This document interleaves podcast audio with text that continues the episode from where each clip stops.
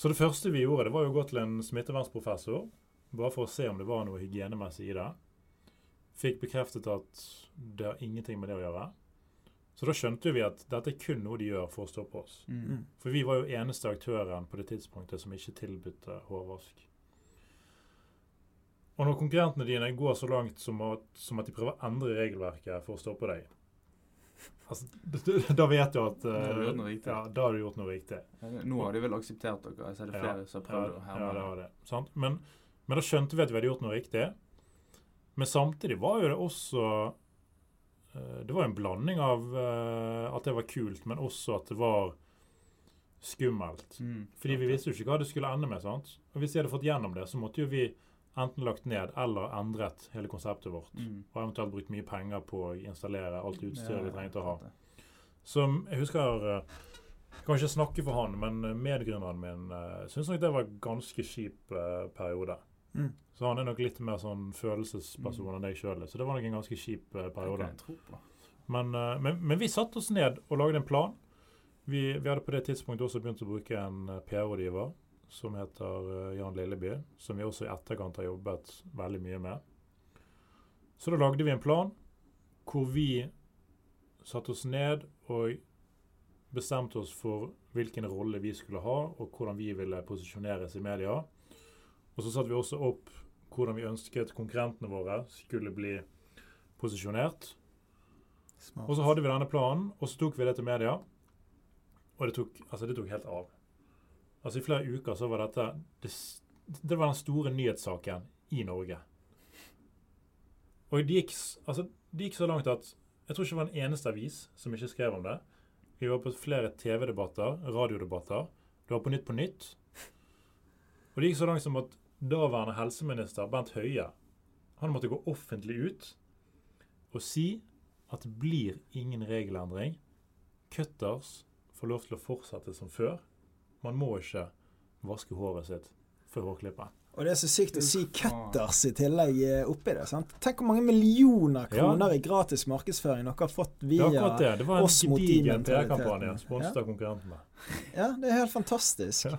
Det, det som jeg syns er litt gøy, det er at jeg eh, første del av flyplass, eh, nei, flyturen i går, og på flyplassen, så satt jeg og leste om eh, egentlig veldig mye det samme. Da, hvordan PT Barnum gjorde dette her eh, for eh, ja, 100-200 år siden eh, innenfor illustrasjoner og magi, da. Mm.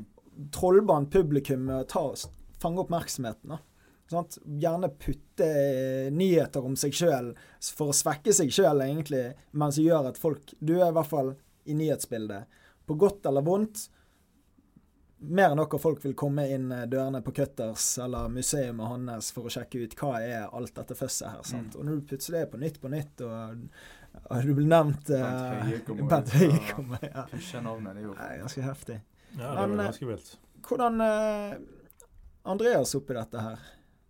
Har han vært med hele veien, eller uh, hoppet han av på et tidspunkt?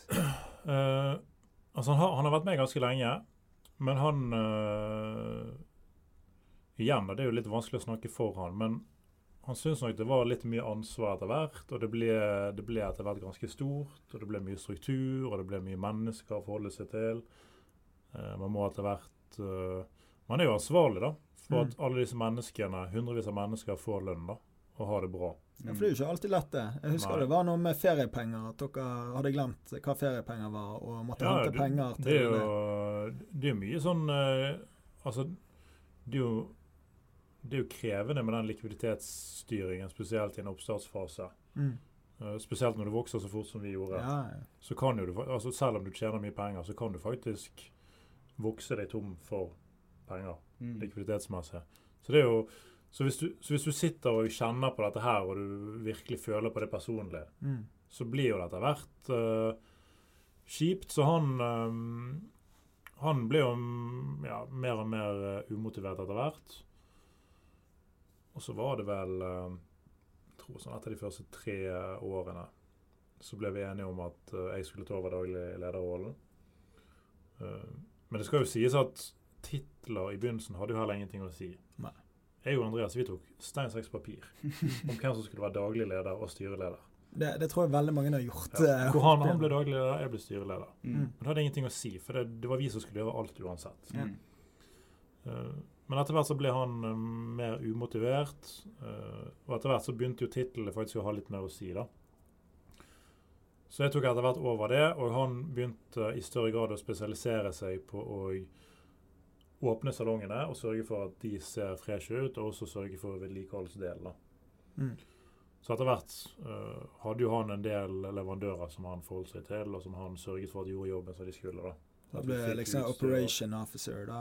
Nei, ikke operations nødvendigvis heller, for han, han jobbet ikke med frisøren og det som skjedde okay. i salongene. Det var mer at lokasjonen i seg selv, byggeprosessen, okay. Ble gjort som han skulle, og også vedlikeholdsprosessen. da. Mm. Så det syntes han var kult, så han fortsatte med det. Og så um, solgte vi jo etter hvert litt over halvparten av selskapet til et svensk oppkjøpsfond i 2019. Riktig tidspunkt, eller var det for tidlig? Uh, ja, det var uh, et halvt år før pandemien. Ja. Så det var jo greit. En fin prising, da. Så det var jo greit, det. Det var 400 og eh, 70 millioner eller noe? Ja, jeg, jeg fikk beskjed om at jeg ikke skulle si prisen, men det er blitt gjettet noen steder. Okay. Var. ja, vi, vi, vi sier det. Vi sier det. Men, um, men da fikk vi jo uh, fire års vesting, Mm.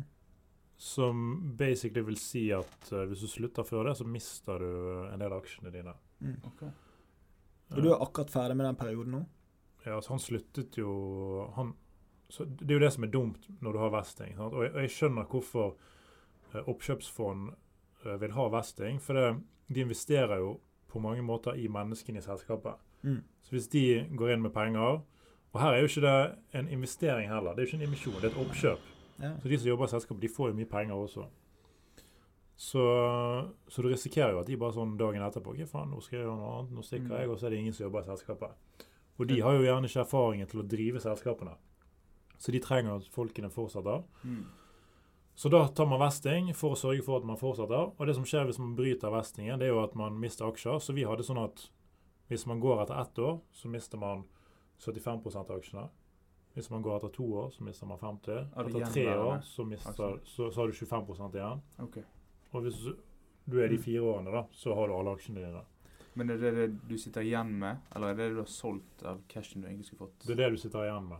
Ok, cashen får du. Så du får cash på første dag, og så trapper Ja. du ned aksjene hvis du slutter? Ja, altså, Si du selger fem- 50 av aksjene dine. Mm. Da. da får du penger for de 50 av aksjene, og så reinvesterer du 50% av de andre. Da er det de 50% du har reinvestert, Det er de du som, du som du risikerer å miste på vestingen. Ja. Ja, for dere, dere satte jo opp et nytt holdingselskap sammen med dette. Ja, det kom en del nye equity-selskapet. eh, ja, En helt annen struktur. sant? Ja, Og, ja, da. Og det er jo der egentlig den vesting-delen kommer inn. For he hele, alle aksjene ble flyttet opp der, og så ble det Ja. fordelt på nytt igjen blant investorer. ja, Samt den den vestingavtalen på deg og på Andreas og ja. kanskje Lasse. Ja, og det, og det, som, eh, det som er dumt med vesting, er jo at hvis folk er jævlig umotivert, så har du jo folk i selskapet som egentlig ikke Og nå snakker jeg ikke nødvendigvis om Andreas, men mer generelt. Så har du mennesker som jobber i et selskap som ikke vil være der. Mm. Og det er jo verken bra for den personen, men det er heller ikke bra for selskapet. Mm. Så da har du folk som påvirker alle de andre negativt, og du må betale de lønn, men de er der basically bare For å holde ut. for å holde ut, ja. Ja. Og det er jo mye parodier på dette her, av Mm. sånne serier. De kaller det Western Rest. Sant? Det er en, det, det er jo ikke en optimal greie, men Nei, eh, men jeg skjønner de ja, som kommer inn du, her. forst, du forstår hvorfor Ja, det er det.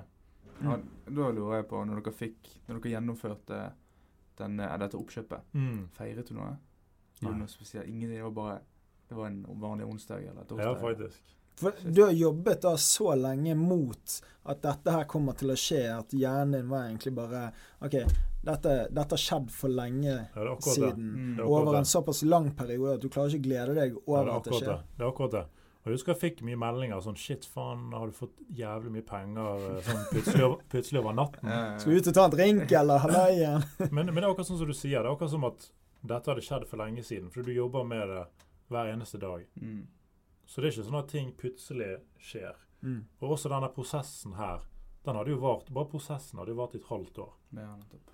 Så du har holdt på med dette dritlenge. Så du, det er jo ikke noe du tenker at plutselig kom da. Det er jo noe som har kommet gradvis hele tiden. Mm. Blitt vant til tanken. Ja, og, og konen min, hun, uh, var også på et internship i Silicon Valley uh, helt i slutten av den prosessen her. Mm. Så jeg uh, bodde vel hos hun den sommeren helt på slutten av prosessen. Og så dro jeg hjem litt før hun. Så hun var jo fremdeles der borte. Så jeg var jo alene i, jeg var alene i Bergen da vi fikk pengene. Så det var, jeg gjorde ingenting. Det var, en, det var bare en helt vanlig dag. Hvordan følte du deg da? Følte du deg ensom etter at du har gjort det? liksom? Mange føler seg gjerne tom. Sant? For du, det er jo, som vi har snakket om tidligere, en del av identiteten din sant? som plutselig du har solgt vekk. Sant? Og eh, ja, du er fortsatt en eh, bit av det, men eh, ikke en like stor bit. Ga, hva kjente du på der? Jeg tror ikke jeg hadde noen følelser til det. Det var bare OK, selvfølgelig er det digg, men jeg følte ikke noe sånn Det var ikke noe sånn heftig følelse. Og jeg skulle uansett fortsette som daglig leder i selskapet.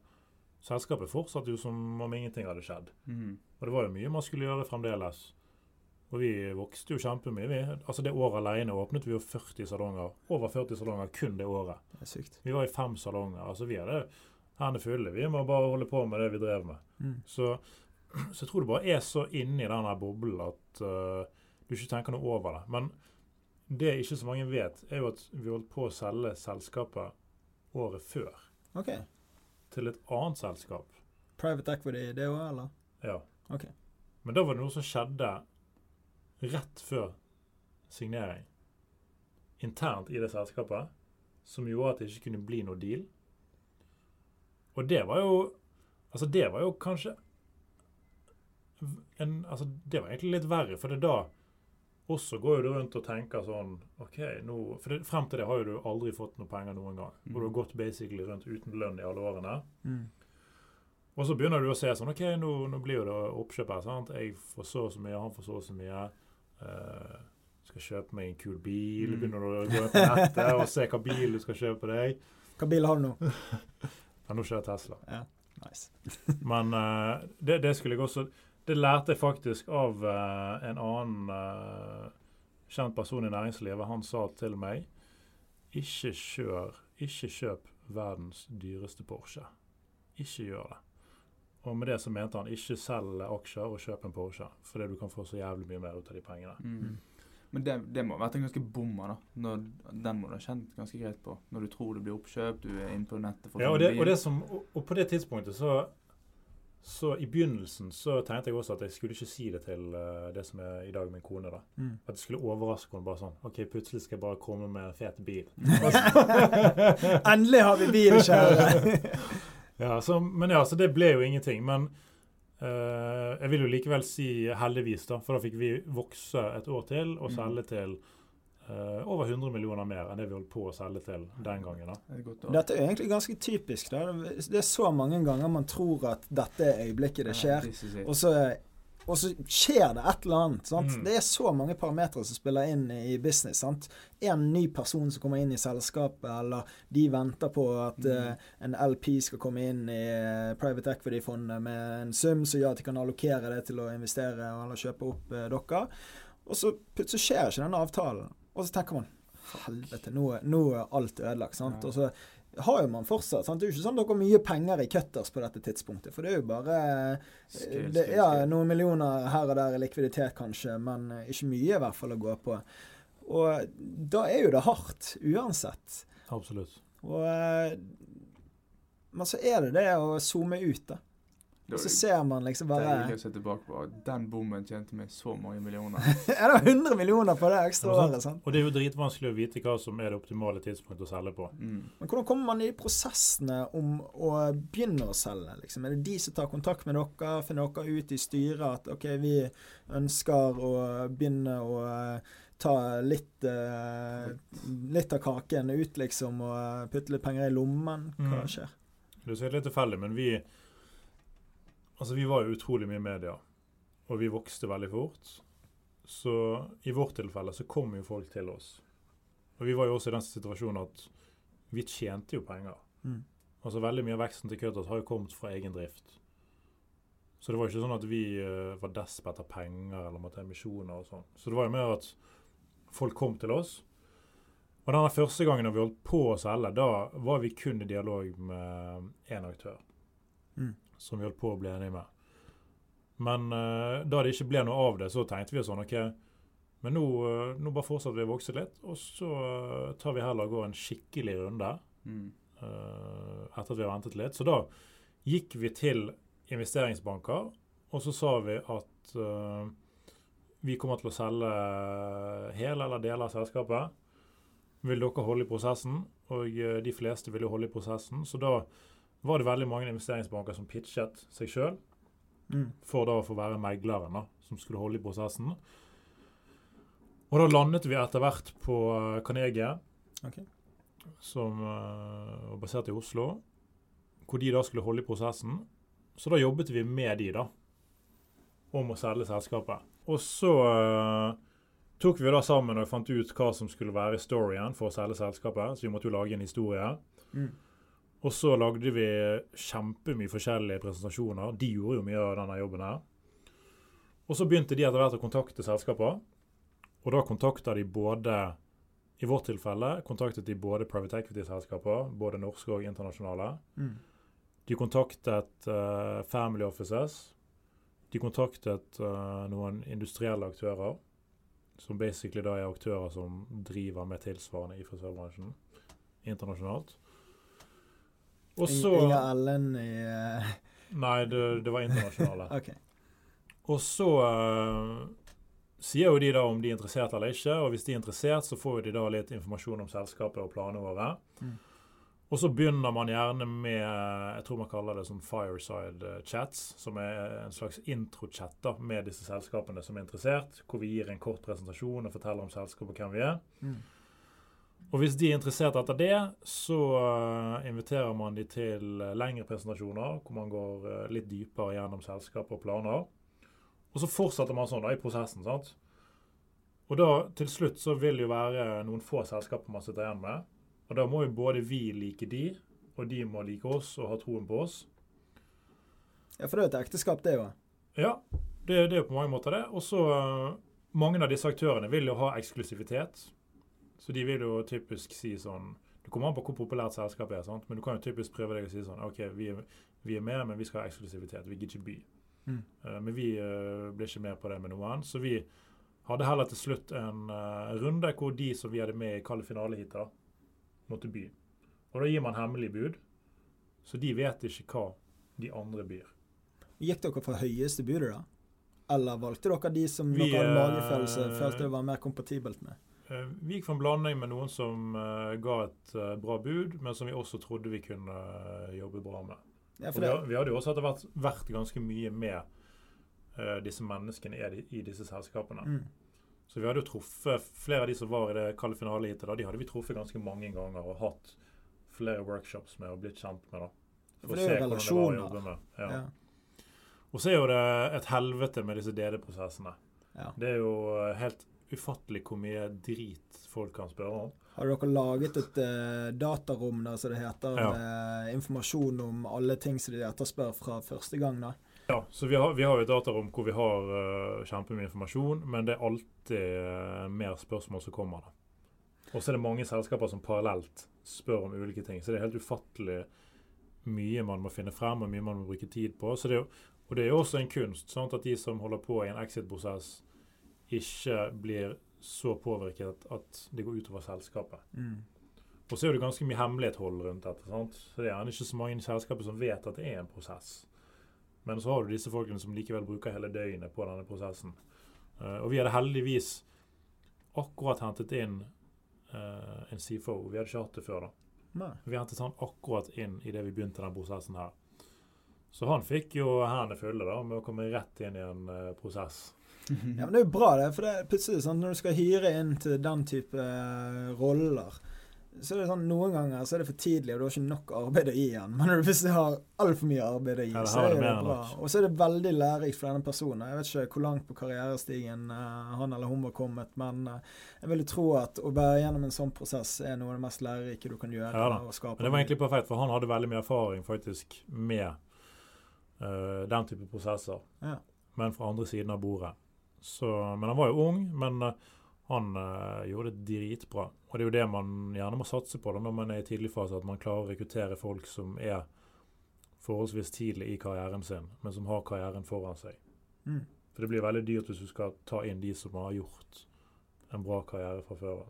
Men før dere ble kjøpt opp da, av Private Equity altså Du er jo fortsatt en del, men de største aksjonær eier 67% hvis det ikke tar helt feil. Ja, rundt her.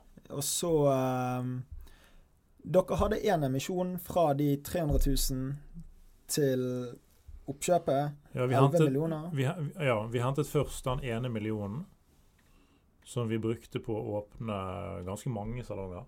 Én million da den kom fra. Den hentet vi fra en person som heter Karl Aksel og Andreas Rokne. OK. Så de uh, gikk inn med 500 000 hver. Og med de pengene så åpnet vi en del salonger. Og etter det så kunne vi egentlig vokse stort sett på egen drift. Og så var det på et tidspunkt seinere, det var faktisk etter den prosessen, når vi skulle til å signe, okay. hvor vi hadde helt innstilt på oss på å selge. Og så ble det ingenting. Og så trodde vi at vi trengte penger fordi vi vokste så sinnssykt mye på det tidspunktet. Altså Vi bare signet som noen galninger, spesielt i denne prosessen, for å bare øke prisingen. Så da, det var da vi kom frem til at faen, vi har jo ikke eh, så mye penger til å håndtere denne veksten, og vi vokser så fort. Og det var da vi også begynte med der feriepengegreiene. Ja. Så da endte vi opp med å hente 10 millioner. Men det som var greia, var at vi endte jo opp med egentlig aldri virkelig trenge å bruke de pengene.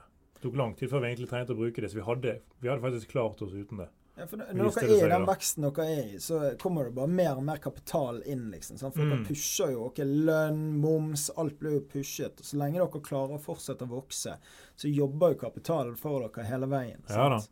Og det var jo det som Altså, det var en kombinasjon av eh, Altså, det var tre ting som gjorde at vi kunne vokse veldig mye uten å hente inn penger.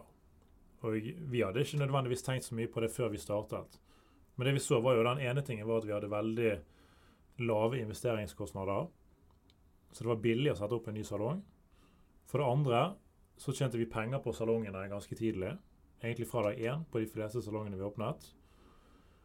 Og så har vi også noe som heter negativ arbeidskapital, som kommer av det faktum at dersom du f.eks. begynner å jobbe i selskapet i januar, så får du ikke utbetalt lønn før i slutten av februar.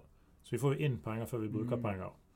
Så disse tre tingene gjorde jo at vi til sammen hadde en payback-tid, som da vil si tiden man bruker fra man har gjort investeringen i salongen, til man får pengene tilbake, den var på et tidspunkt så lav som fire måneder. Og det, altså det er helt ellevilt. Ofte så snakker man flere års payback-tid. Så, så, så det gjorde jo at vi kunne vokse uten å hente inn penger. Og det var jo også selvfølgelig en grunn til at vi etter hvert fikk veldig mye interesse da, fra aktører som ville investere i selskapet. Mm. Har dere vært i nærheten av å gå konkurs? Og når var liksom det tidspunktet? Var det covid, eller var det noe før da? Nei, jeg vil ikke si vi har vært i nærheten av det. Nei. Men selvfølgelig, sånn, spesielt i begynnelsen, så er jo det en sånn balanse hele tiden på å ikke gå tom for penger. Mm. Men vi har jo vært i en situasjon hvor vi har tjent penger egentlig hele tiden. Ja. Men selvfølgelig, pandemien var jo noe for seg sjøl. Da fikk man jo Jeg tror vi fikk eh, den endelige beskjeden på radio at nå har vi tre timer på oss på å stenge ned alle butikkene. Og da, da har jo det gått sant, fra kun fokusere på vekst Jeg tror jeg nevnte det, vi hadde åpnet 40 salonger kun det året. Mm. Vi skulle jo doble det med 80 salonger eh, året etterpå. Og så går man plutselig til å bare sånn OK, faen, nå må vi bare kutte alt av kostnader. Vi permitterte alle menneskene i hele selskapet. Det var sånn typ Mm. 500 mennesker. Uh, vi la også etter hvert ned i Nederland og Danmark pga. dette her. Men da er jo det sånn Det går jo selvfølgelig ikke opp. For det, kostnadene dine Du klarer ikke å kutte alle kostnadene dine over natten. Og du har null inntekter. sant? Så det, du kan ikke holde på sånn så veldig lenge. Og Den første nedstengingen den var jo i uh, seks uker. Og deretter fikk vi åpne igjen. Men så var jo det stengt, åpent, stengt, åpent. Så fortsatte det over to år. Og vi visste aldri hva morgendagen ville bringe. Mm. Hvis du i hvert fall hadde visst når vi skulle være åpne og stengt, så hadde det vært greit. Men du visste jo aldri hva som Mm. skjedde neste dag. Så det var jo en krevende periode. Så da tok vi opp uh, lån og utsatte Eller vi, det begynte vel med at vi utsatte uh, alle disse offentlige avgiftene som man kunne utsette. Uh, og så måtte vi konvertere det til lån i etterkant, da, for det var en ganske sånn hissig nedbetalingsperiode på de tingene man utsatte. Jeg tror det var ett år eller noe sånt. Okay. Så, så vi måtte jo gjøre det, og det tipper jeg det er sikkert mange som måtte gjøre for å komme seg gjennom det. Og vi var jo en kategori som var veldig utsatt. Det var jo andre typer nettbutikker for eksempel, som hadde time of their life, Mm. eh, hvor kundene bare rant inn og valuations bare gikk rett i taket. Mens Mm. vi var litt sånn i andre enden. Men eh, Ja, men det var klippestopp. ja da. Så det er jo Om det er et ord. ja, så det, det var en krevende periode, men eh, vi kom oss gjennom det. Men eh, det var vel også spesielt kanskje den perioden jeg fikk merke viktigheten av det å uh, faktisk ha tenkt tanken da, på å ta vare på seg sjøl. For det var jo kanskje spesielt da jeg så at flere av kollegaene mine begynte å slite og gjerne ble utbrent. Og det var tøft når du på en måte hadde dette her oppi alt annet i tillegg. da. Ja, hvordan Når du står der Ingen av dine ansatte Du har hvor mange ansatte på denne Ja, det var sikkert sånn som en 500. Ja, 500 ansatte som er avhengig av at de får lønn. De vet ikke hvor, hva som skjer med jobben sin, om de mister jobben. Og så har du ansvaret for alt dette her. Hva, hva går gjennom hodet ditt da, og hvordan jobber du mentalt for å eh, kunne bearbeide dette? Tenke klart. Altså, vi ehm, Jeg tror det jeg har merket når jeg har holdt på, at jeg, jeg blir ikke sånn veldig påvirket av det faktum at man har mye ansvar. Altså, jeg prøver heller bare Jeg tror jeg bare er ganske rasjonell og kald. Mm. Prøver å bare bruke menneskene rundt meg og basere meg Man skal ikke kun basere seg på data, men jeg liker veldig godt å basere meg på data, og ikke bruke så mye følelser. Og så skjønner jeg jo at du kan ikke kun gjøre den ene eller andre, så det er en kombinasjon. Men jeg er ganske sånn kald i de situasjonene, og det, det, det er kanskje det som har hjulpet meg også, da, med å takle disse situasjonene og ikke gå på disse smellene. Mm. Så jeg syns det gikk overraskende fint, faktisk. Hvordan ser en dag ut for deg? Liksom? Hvordan, når du står opp Jeg vet jo du er glad i å isbade, og du sa før du kom inn her at du hadde skjøvet litt på isen for å hoppe ut i sjøen. og eh, eh, Du mediterer, du er veldig opptatt av kosthold, trening. eh, hvordan, hvordan, hva er viktig for deg utenom jobben? Og hvordan bearbeider du dette? Ja, altså som, som vi nevnte på et tidspunkt der, så har jeg testet mye greier. Mm. Så, men uh, det første jeg gjør når jeg, hvis du skal ta en sånn typisk dag, når jeg våkner, det er jo at jeg ikke sjekker telefonen. Det har jeg merket vi om forrige episode. Ja, så det, det er jo noe jeg eh, Det er noe jeg gjorde før. Altså Før var det så ille at jeg kunne Hvis jeg våknet på natten, så kunne jeg gå inn og sjekke mail. Noe som er helt Der er jeg nå. idiotisk. Ja. Det er idiotisk, men det er sånn Altså, det er alltid et eller annet ja, som dukker opp der, som Ja, du bør sant. svare på. ja. Og da ligger du og kverner på det. Ja, men greien er jo at du, det er jo det jeg har funnet ut. sant? Du, du får ikke gjort noe produktivt da. Skal du liksom stå opp midt på natten og være våken hele natten, da, Mm. da er du mye bedre. For det, for det som jeg heller gjør, da Jeg er ikke på telefonen de første to timene. Okay. Fordi tanken her er at hvis jeg ser på telefonen med en gang jeg våkner, så er det garantert et eller annet som noen er keen på at jeg skal gjøre. Mm. Men jeg har likevel ikke tid til å gjøre det akkurat der og da. Og da går jeg bare rundt og stresser og prøver å kjappe meg, sånn at jeg endelig kan få tid til å gjøre det. Mm. Så da tar jeg heller og gjør alle de andre tingene og har en jævlig bra morgen. Så nå, nå er det sånn at når kvelden kommer, så gleder jeg meg til morgenen. Og det har det aldri vært før. Men nå er det sånn at jeg gleder meg til morgenen. Så da står jeg opp, jeg ser ikke på telefonen. Når begynner morgenen din? Har du fast Eh, tidspunkt, eller ja, det som- du av deg sjøl, eller? Jeg har eksperimentert også litt der. Nå står jeg opp seks. Ja. Eh, men det er viktig, altså, egentlig kan du si at morgenen starter dagen før. For det, det, det viktige er jo at du får nok søvn. Mm. Og du har åtte timer, eller har du syv Ja. timer?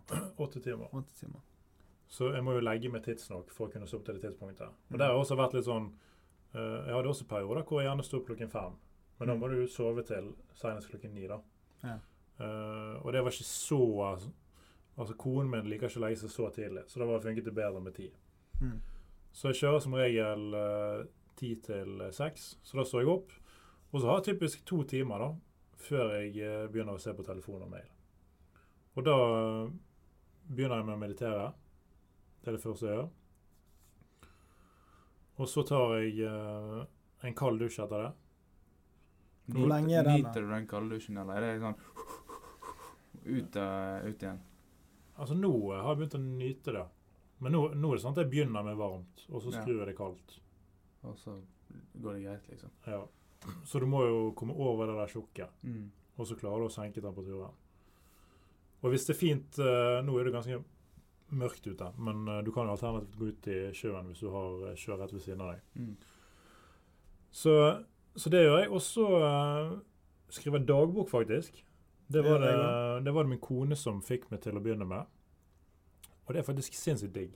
Men hva skriver du i den dagboken? Er det en gratitude-dagbok, eller skriver du ned eh, hva er eh, hovedpunkter for dagen, eller hva? det, jeg, det jeg begynte med den gangen, og som jeg har fortsatt med i eh, hovedsakelig da, Jeg tror det man kaller det som five minute journal. Ja. Jeg tror det er blitt ganske populært uh, nå de siste årene. Hvor altså du begynner jo da med å skrive uh, tre ting du er takknemlig for i livet. Det kan være alt mulig. Mm. Altså Det kan være uh, lyden av fuglesang. Det kan være at uh, du lever som menneske på jorden. Det kan være alt mulig. Så du skriver tre ting som du er takknemlig for. Og så skriver du uh, de tre viktigste tingene du ønsker å oppnå i løpet av dagen. Og de kan jo da altså Hvis du liker dette, her, sånn, så for min del så er jo de da koblet opp mot noe mer langsiktige mål som jeg har satt for Mm. meg. Og så lager jeg også bare en sånn kjapp plan for hva jeg ønsker å bruke tid på i løpet av dagen. Og så skriver jeg én positiv ting om meg sjøl. Det kan også være, altså det kan være hva som helst, men det skal være én positiv ting om deg sjøl. Så da får du en sånn ganske bra start, fordi du er både positiv, du fokuserer på positive ting i livet ditt og positive ting ved deg sjøl. og så etter det så tar jeg typisk og uh, leser litt bok. Spiser en digg frokost. Og dette mellom seks og åtte om morgenen. Ja. Ja. Spis, leser litt bok, spiser en digg frokost, og så begynner jeg å jobbe. Hva er en digg frokost for deg? Uh, altså, jeg kan synes det er digg med noe ristet brød og noe pålegg. Mm. Kanskje steker med noe egg. Men du faster ikke? Lager noe rundstykker. Nei, jeg gjør ikke det. Men Har eh, du testet det? det er noen ganger jeg uh, altså typ dropper frokost. Mm. Men jeg har ikke eksperimentert sånn sinnssykt mye med fasting. Så det kan eventuelt være en ting. Men det jeg ser, er at jeg mister utrolig mye muskelmasse når jeg eh, spiser over mindre intervaller. Ja. Så det er på en måte denne der Jeg har ikke helt klart å finne ut av hva jeg egentlig vil. Uh, Ja, for du er jo godt trent. Ja, for jeg, jeg har alltid likt å trene. Uh, trente ekstremt mye da jeg spilte ishockey, men trener fremdeles hver dag. Mm. Uh, hvis jeg ikke trener, så blir jeg helt sånn Altså, du blir veldig sånn rastløs. Og jeg blir veldig grinete. Ok. Så jeg tror det er bra for de rundt meg at jeg er i aktivitet. Men, men jeg har også gått ned sånn typ 15 kilo fra det jeg var på det tyngste. Og da snakker vi kun muskler.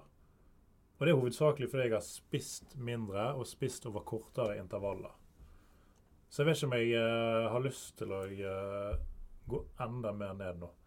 Du, du har jo en kone som eh, driver et selskap som heter Healthy Eats, og Ja. er veldig opptatt av hva man spiser. Har, har kostholdet deres endret seg veldig de siste årene? Har det kanskje påvirket Det som, eh, muskelmassen din sånn sett? Ser jo eh, dere spiser bra når ja eh, det er søndagslunsj. altså, en del av dette er jo bevisst også, for jeg, jeg er 1,81 og høy, og jeg veide Mm. 95 kilo. Og eh, det er ganske tungt å gå rundt hele tiden eh, når du veier så mye. Ja. Uavhengig av om det Uavhengig av om det er fett eller muskler, så er det jævlig tungt å gå rundt med så mye kilo. Så jeg har det faktisk bedre i, for, i forhold til knær og rygg, da, Mm. når jeg veier mindre. Men, eh, men ja, vi, altså, vi spiser jo sunt, men eh, det som eh, var største endringen, det var vel når vi fant ut at hun har en Hun fikk en veldig sjelden allergi. Okay. Det heter kjøttallergi. Og det er jo kanskje litt sånn eh, ironi i det hele, da, at hun har startet et selskap som ikke selger rødt kjøtt. Og så tåler hun ikke det. Viser det seg i etterkant. da. Uh, og det er ikke sånn at hun ikke tåler litt. Det er sånn at det er livsfarlig. Ah, ja. Så hvis hun får i seg eh, pattedyr, alt er pattedyr, det er livsfarlig for henne. Så da kan hun få uh, Altså, du kaller det for et Jeg tror du kaller det for anafylaksi. Det er jo sterkeste formen for allergisk reaksjon. da. Wow. Så hun hadde jo gjennom årene hatt flere sånn utslett og skjønte ikke hva det var, og hadde blitt dårlig ved anledninger. og Altså Et par anledninger før vi fant ut av dette, her, så hadde hun jo blitt altså, dritdårlig. Det viste seg i etterkant at hun kunne jo dødd av det. Altså en, en dag så bare plutselig lå hun på bakken. Jeg trodde hun faktisk hun døde så foran meg. Det er ikke kødd engang. Eh, og så plutselig kom hun tilbake igjen. Men da fant vi etter hvert ut at det er fordi hun har spist patte, pattedyr. Men det er sånn at folk ikke kan spise kjøtt rundt henne liksom, når du kommer Nei på da, det, det går fint. Nei, det går fint. Men greia er at hun har fått det av, et, av en flått. Og det er visstnok noe de har begynt å finne ut nå i senere tid. da. Eh, Så det er ikke så mange som har det, men uh, et, de tror at det er mye flere som har det da, enn det de har trodd på forhånd. For det er en ganske ny greie. Men det, det er noe du kan få rett og slett av et flåttbitt. Sykt. Og så er de litt sånn usikre på om dette er noe man uh, har livet ut, eller om denne allergien kan gå nedover. da. Du har ikke lyst til å teste akkurat da. Det er jo en, Nei, sånn men- vanskelig barriere. Men, men, men for å gjøre det enda mer komplisert, da, så er det sånn at uh, det er ulike grader av dette her. sant? mm. Så man kan gjerne få gi seg litt kjøtt, men man vet egentlig aldri helt hvor grensen går. Og man vil også gjerne kanskje at man skal få i seg litt kjøtt, men ikke for mye.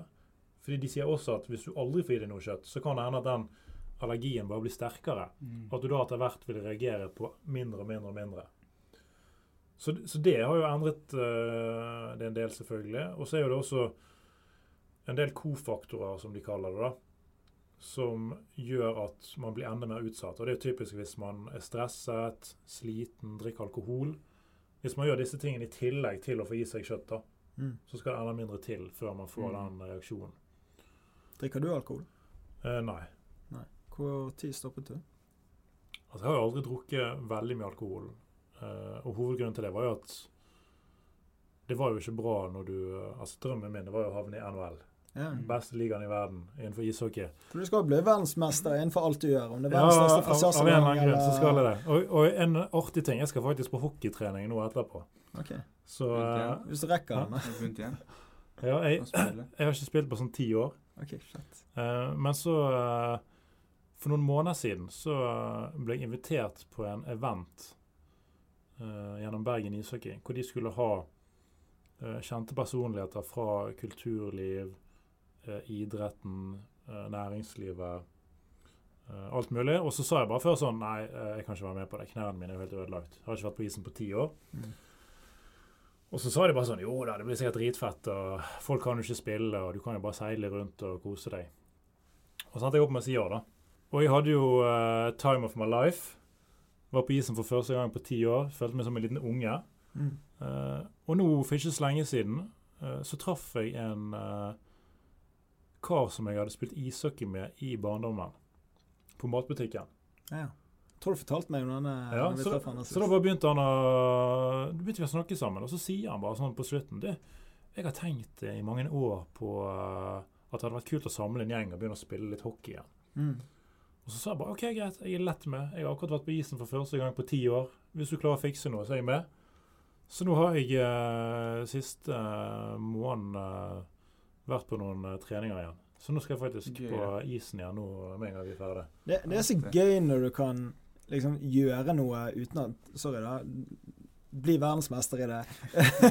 Selv om du skulle det en gang i tiden. Sant? Eh, Sånn som når vi spiller fotball sammen, Andreas. Sant? Eh, Det syns jeg er dritfett. Når jeg spiller tennis Jeg har ingen ambisjoner om å bli verdens beste tennisspiller. Og hodet mitt er bare 100% fokusert in the game, og det er bare gøy, hele prosessen. Så Mm. eh, det å kunne gjøre slike ting, som er en helt annen del av identiteten enn uh, cutters og daglig leder og eh, dette her. Sant? Koble litt av, da. Absolutt. Faktisk. Men uh, ja, nå, nå er vi kommet til, til frokosten. så går du på jobb.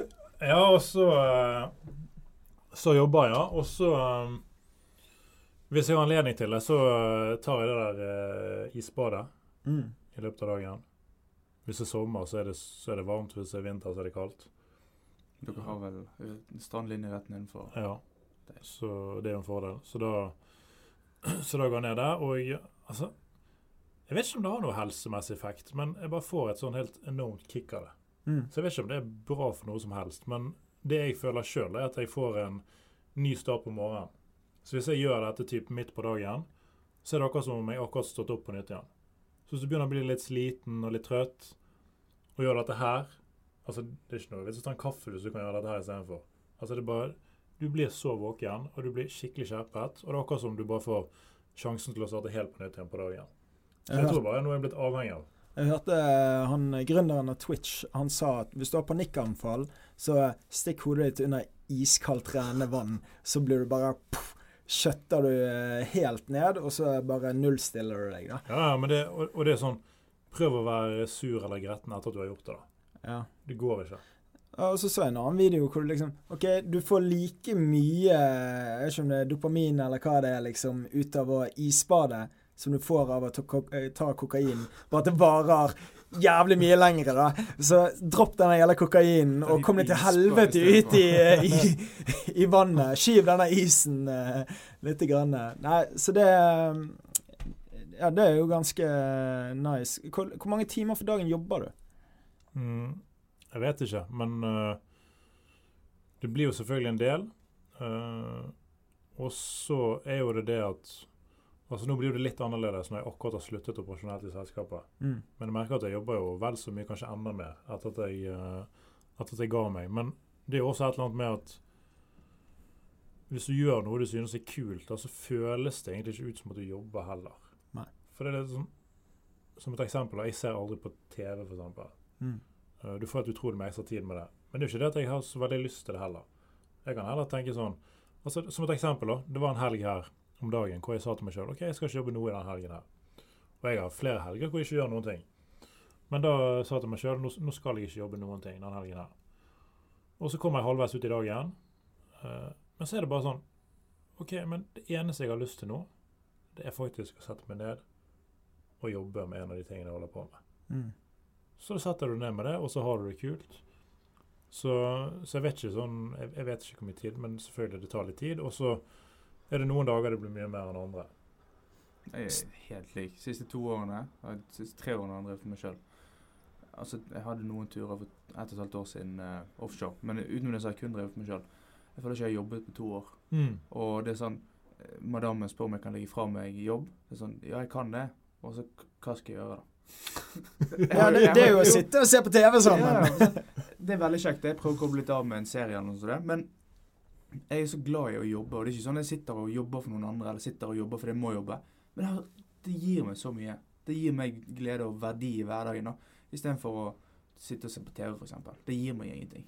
Så det å sitte og jobbe med hva som helst av alle baller vi har i luften, det, det er ikke jobb, liksom. Jeg tror det skjer veldig naturlig, liksom. Når du plutselig blir veldig dedikert til noe, da, så, så blir liksom alt annet veldig kjedelig.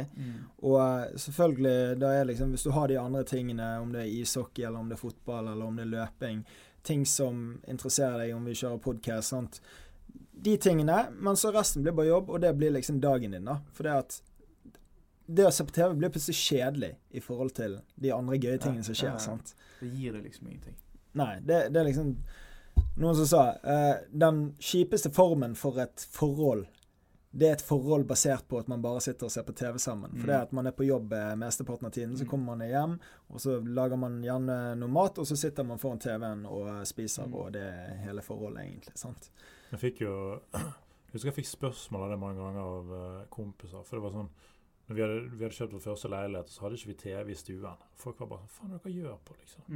Hva, altså, hva gjør Sitter dere og snakker? Eller?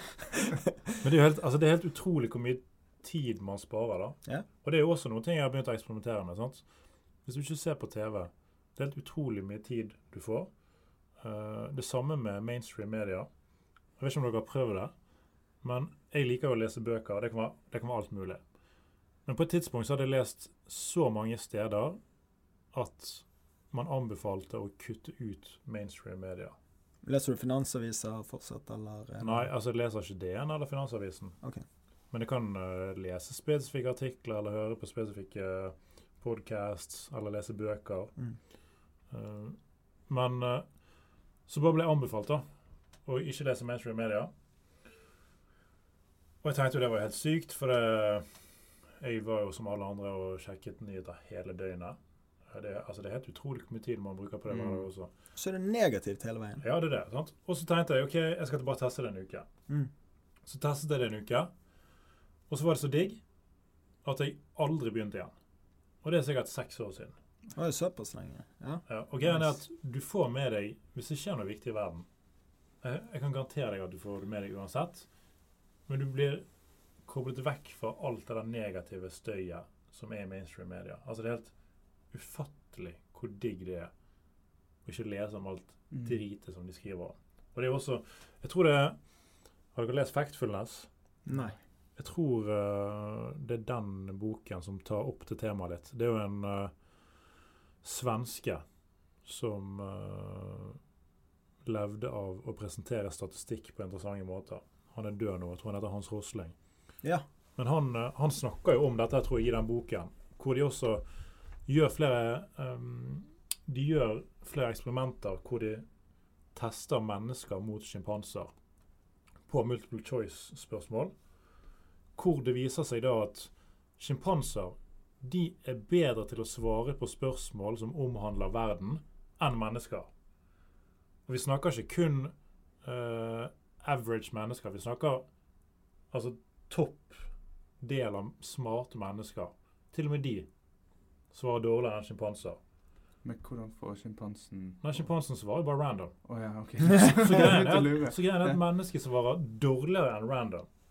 Og grunnen er pga. all feil informasjon som de får gjennom mediebildet. Så du tror at verden er på en helt annen måte enn den faktisk er. da.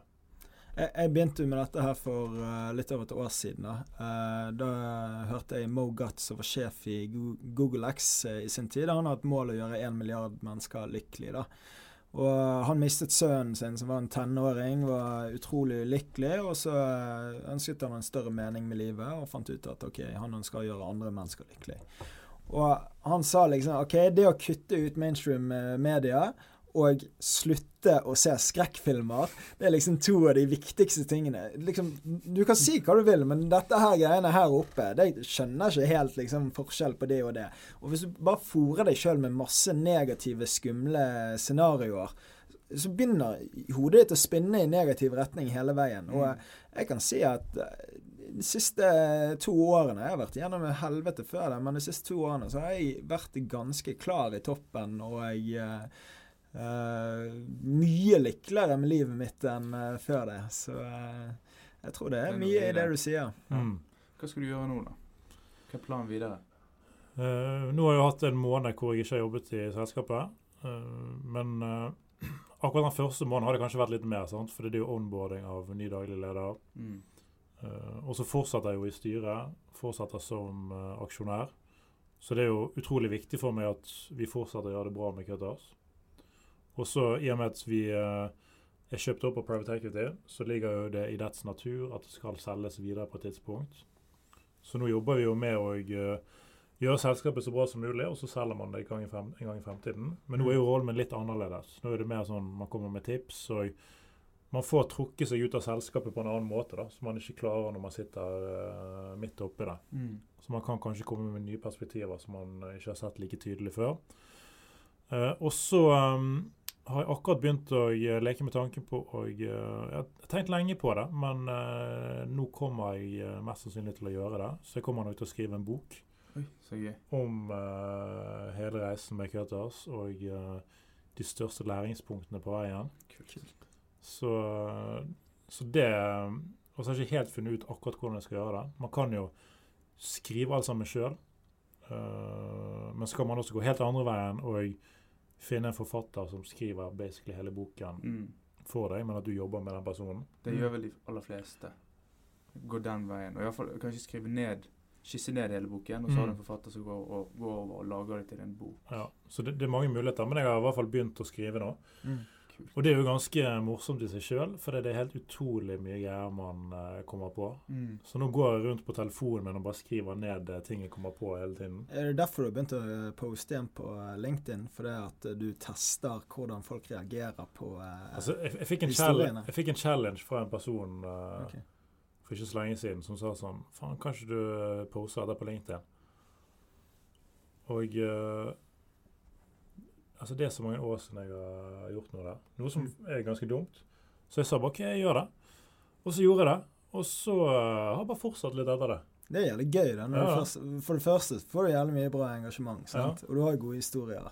Sant? Og jeg, jeg har det samme som deg. Det var flere år jeg ikke postet på LinkedIn. Nå poster jeg så å si daglig på LinkedIn. Og så noen historier så går det til himmelen. sant? Det er en som hadde 5300 noe likes, og bare sånn hele LinkedIn-Norge hadde sett. Og så er det noen som bare Ja, OK, det får fem-ti likes. sant? Og så ja, Kanskje det traff noen. Det viktigste er at du skriver for deg sjøl. Du får frem eh, dine tanker og refleksjoner. og eh, Det er litt journaling eh, i ja, det. Ja, det, er det, faktisk. Så, men, eh, men ja, så det bokprosjektet der eh, vil jo selvfølgelig ta litt tid. Eh, og så har jeg eh, begynt å holde litt mer foredrag enn jeg har gjort før også. Så ble også gått enig med noe som heter Talerlisten, Mm. eh, om å holde foredrag gjennom deres plattform også. Hva tar du for foredragene, da? Nå ligger det på 30 000. Ja. Så du begynner liksom Begynner det, lavt. ja, ja, ja, men det, jeg mener det. det. Er jo egentlig lavt i forhold til Det er jo standarden for alle som ligger på talerlisten, mener jeg. sant? Eh, så, eh, så er det å bygge den erfaringen av å stå på scenen. Jeg vet ikke om Jeg har sett deg et par ganger her eh, på scenen, men er du vant til å eh, stå og holde foredrag? Altså, jeg har gjort en del, så jeg synes det er kjekt også. Mm. Og eh, det henger jo litt sammen med den boken òg, på mange måter. Ja. Så det at jeg nå jobber med den boken, gjør jo at det kommer utrolig mye eh, morsomme og bra historier og ting som vi har lært underveis, da, som jeg kanskje har glemt, Mm. Men som jeg ser nå mye tydeligere. Har du lest boken til Silje Landevåg? Eh, Hun solgte jo til Private Equity og Ja da, begynte med foredrag og hele pakken. Så jeg ser jo litt samme retningen her, da. Jeg tror eh, det var konen min som tipset meg eh, om det. Mm. Så ja, så den har jeg lest. Så ja da, så det, der går det litt tid. Og så um, har vi jo noen eiendommer som vi bruker litt tid på. Det går ikke så mye tid der, men det går litt tid. Og så er jo selvfølgelig åpen for å starte nye ting på sikt. Men det er ikke sånn at jeg uh, er nødt til å hoppe i noe bare for å gjøre det.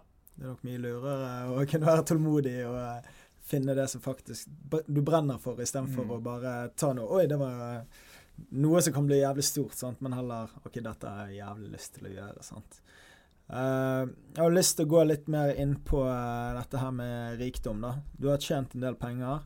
Du har kjøpt et uh, utrolig vakkert uh, hus som uh, palass som tilhørte min oldemor en gang i tiden, og jeg skulle arve den. Men eh, ganske eh, Et av Bergens fineste hus. Gratulerer så mye med det. Eh, et oppussingsprosjekt, til og med.